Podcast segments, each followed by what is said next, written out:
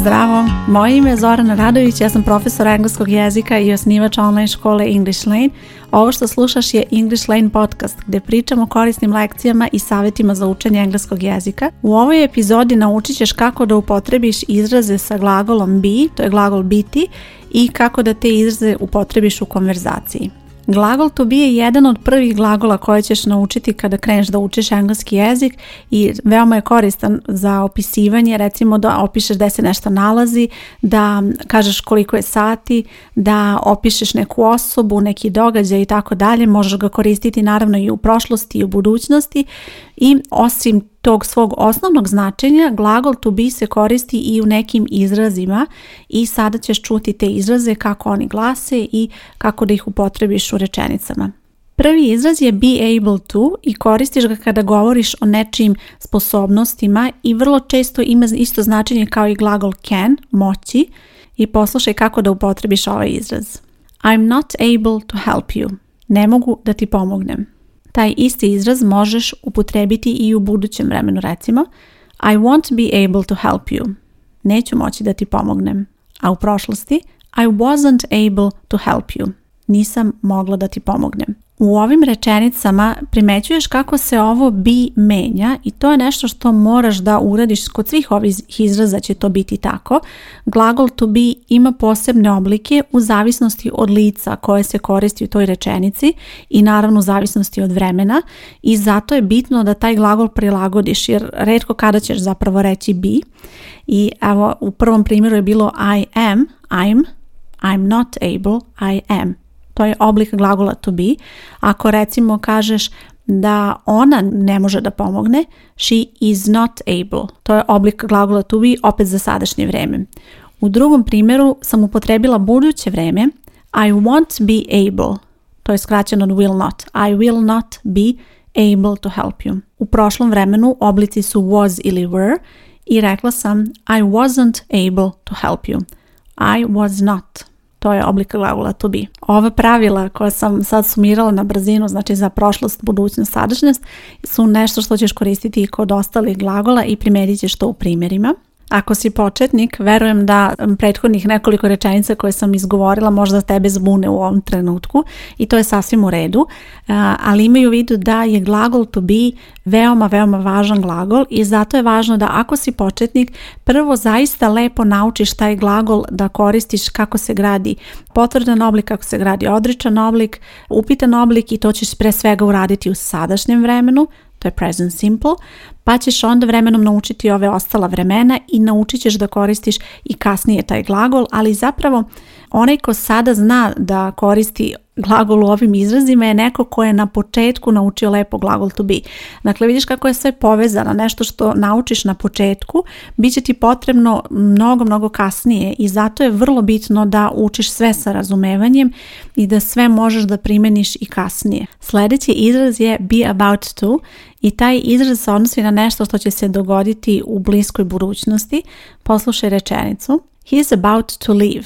On se sprema da ode. To je rečenica gdje je upotrebljen izraz be about to i prevod nije uvijek isti. U ovoj rečenici eto, prevod je on se sprema da ode. U rečenici recimo it's about to start, uskoro će početi. To je opet malo drugačiji prevod. Sljedeći izraz je be allowed to i koristi se u situacijama kada se nešto dozvoljava ili ne dozvoljava. Ako se ne dozvoljava, naravno koristiš odričan oblik. They weren't allowed to go in before the concert started nije im bilo dozvoljeno da uđu pre nego što je koncert počeo. Dakle, u ovoj rečenici je glagol to be u odričnom obliku i u prošlom vremenu weren't. Sljedeći izraz je be supposed to.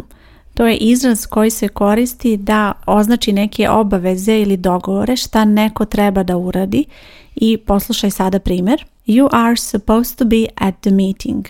U ovom primjeru sada ćeš primetiti dva glagola to be i prvi glagol je na početku be supposed to, u ovom primjeru you are supposed to i to je glagol iz tog izraza, ali to je izraz koji zahteva posle sebe infinitiv, što znači da posle tog izraza koristiš glagol u osnovnom obliku i kada se tu javi glagol biti, onda je to be. You are supposed to be at the meeting. You are, to je glagol biti koji je upotrebljen u izrazu be supposed to, a ovo drugo be, be at the meeting, biti na sastanku, to je glavni glagol koji ovdje preuzima značenje. Trebalo bi da si na sastanku. You are supposed to be at the meeting eto i to se dešava, pa obrati pažnju. Vrlo je bitno da naučiš kada učiš neke izraze i to ne samo ove izraze, nego recimo i frazalne glagole i idiome. To je jedna od stvari koji ljudima predstavlja problem, pogotovo ako nisu sigurni u vremena, ako nisu sigurni koji se pomoćni glagoli koriste. Ovakve stvari mogu vrlo da ih zbune, čak i naučiš možda šta znači sam izraz, naučiš šta znači taj idiom ili frazalni glagol, ali kad treba da uklopiš ovako u rečenicu neće što to umeti ako preskočiš neke stvari kao što su eto vremena ili um, pomoćni glagoli, možda čak i modalni glagoli, jer zapravo sve je to povezano. Sljedeći izraz je bi, pa onda dodaješ nešto, neku reč, vidjet ćeš sad u primjeru ću navesti šta, i onda in the making. To je izraz koji se koristi kada je neko na putu da postane nešto i primjer glasi she is an actress in the making. Ona je na putu da postane glumica i to možeš upotrebiti za razna zanimanja. Uh, she's a lawyer in the making, znači ona je na putu da postane advokat i tako dalje. Još jedan izraz sa glagolom be je be likely to i to je izraz koji se dosta često koristi, ali isto tako ima puno nedoumica kako upotrebiti taj izraz. Ovaj izraz se koristi kada želiš da iskažeš verovatnoću da će se nešto dogoditi, i da će se možda dogoditi i to je razlog zašto nastaju nedoumice, zato što uglavnom svi prvo krenu da koriste recimo maybe ili čak perhaps, ali u mnogim situacijama ovaj be likely to izraz je veoma prirodan u konstrukciji na engleskom jeziku, i, ali nije nešto što će se neko odlučiti kada želi da iskaže tako nešto, ali sada preslušaj primjer pa ćeš vidjeti o čemu pričam. They believed he was more likely to solve the problem. Oni su verovali da će on imati veće šanse da reši problem, odnosno da će on možda bolje rešiti taj problem. I to je situacija kada možeš naravno reći e, maybe, perhaps i tako dalje, ali ovaj izraz je mnogo bolji na engleskom i iako nama e, nije prirodno eto da prevedemo to male su šanse, velike su šanse i tako dalje, malo je čudan kada mi koristimo, ali u engleskom se dosta često koristi i zato je bitno da naučiš kako da koristiš taj izraz, kao i sve ove ostale do sada, prvo prilagodiš glagol be be likely to i onda posle tog to mora da sledi infinitiv be likely to rain recimo da pada kiša, be likely to solve something, da rešiš nešto i tako dalje. Nadam se da sam uspjela da ti prenesem ova značenja izraza i nadam se da će ti primjeri biti dovoljni da razumeš kako možeš da upotrebiš ove izraze u konverzaciji i verujem da sada vidiš koliko je u stvari bitno to sve što učiš i kako neke lekcije koje su možda sa početnog nivoa kao što je glagol to be mogu da utiču na tvoju sigurnost i mnogo kasnije i zašto je bitno da zaista učiš kvalitet konkretno, bez obzira na kom si trenutno nivou, sve ono što sada učiš u tom trenutku treba da bude naučeno kvalitetno i treba da razumeš sve što učiš, da apsolutno imaš kontrolu nad onim što pišeš. Recimo kada treba da napišeš rečenicu, da se trudiš da izbegavaš ono da imaš neki osjećaj da to tako treba ili recimo pogotovo kad radiš vežbanja, znam da mnogi pričaju da imaju eto taj osjećaj, da su radili vežbanja po osjećaju ili po sluhu čak, izbegaj to da radiš i gledaj da se trudiš da se oslanjaš na tvoje znanje jer taj osjećaj o kome mnogi pričaju je nešto što možeš da stekneš ali uz godine i godine rada odnosno uz godine i godine učenja i iskustva da su potrebne da bi ti stekla taj osjećaj i to nije nešto što možeš da uradiš um, samo eto zato što si možda imala engleski u školi jer vrlo često to nije dovoljno jer ostane mnogo nesigurnosti a to je ono što pravi razliku znači taj osjećaj nije baš pravi i ako ti imaš nesigurnosti, ako ne znaš da upotrebiš recimo glagol to be u tom obliku, da ne znaš da upotrebiš glagol to be u ovakvim rečenicama, koji je to, da kažem, jednostavan glagol, a može da dovede do problema čak i za nekog ko je možda na prednijem nivou. Iz tog razloga mi se često dešava da polaznice koje možda nisu na početnom nivou same za sebe kažu da osjećaju da ima nesigurnosti i vide da nisu sigurne, znači možda i čak i urade neki test onako, ali previše se oslanjuju na taj osjećaj i vrlo često ne znaju zašto su izabrale neki odgovor, a to znači automatski da kada bi trebalo da upo upotrebe takav izraz u konverzaciji, one to ne bi umele.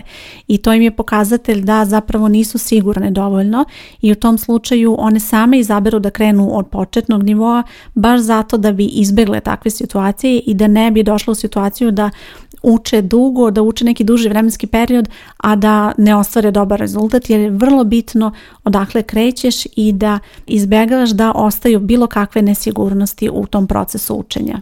Također razumem i sve one koji su učili u nekom periodu engleski jezik i ne žele da se vraćaju na početak i sasvim je razumljivo sve to e, da želiš da nastaviš tamo gdje si stala, ali razmisli uvek da li je to u tvom najboljem interesu, da li će ti to zaista pružiti dobru priliku da nastaviš, pogotovo recimo ako si imala pauzu, ako nisi učila niti koristila engleski jezik dugi niz godina, prirodno je da ne možeš da nastaviš baš tamo gdje si stala, da moraš da se vratiš, da se podsjetiš nekih stvari koje možda deluju onako suviše lagano, ali su neophodne da bi dalje moglo da nastaviš.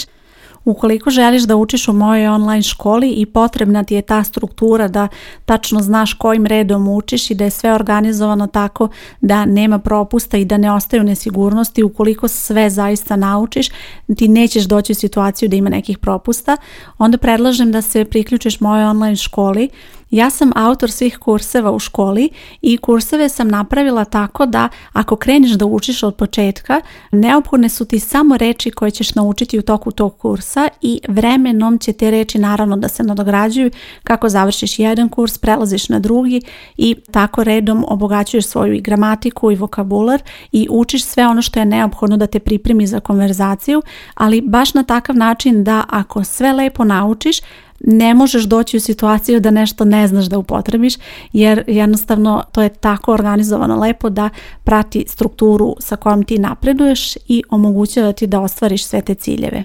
To recimo znači da ako pohađaš kurs engleski 1.02 u mojoj školi, a pre toga si završila kurs engleski 1.01, u tom kursu engleski 1.02 neće biti gramatičke lekcije ili nekih novih reči koje ti do tada nisi susrela, znači neće biti upotrebljeno nešto što se podrazumeva da znaš, već nešto što si zaista morala da naučiš u prethodnim lekcijama Svaka nova lekcija donosi nešto novo, naravno, i pomaže ti da napreduješ, ali koristi i sve ono staro što si već naučila.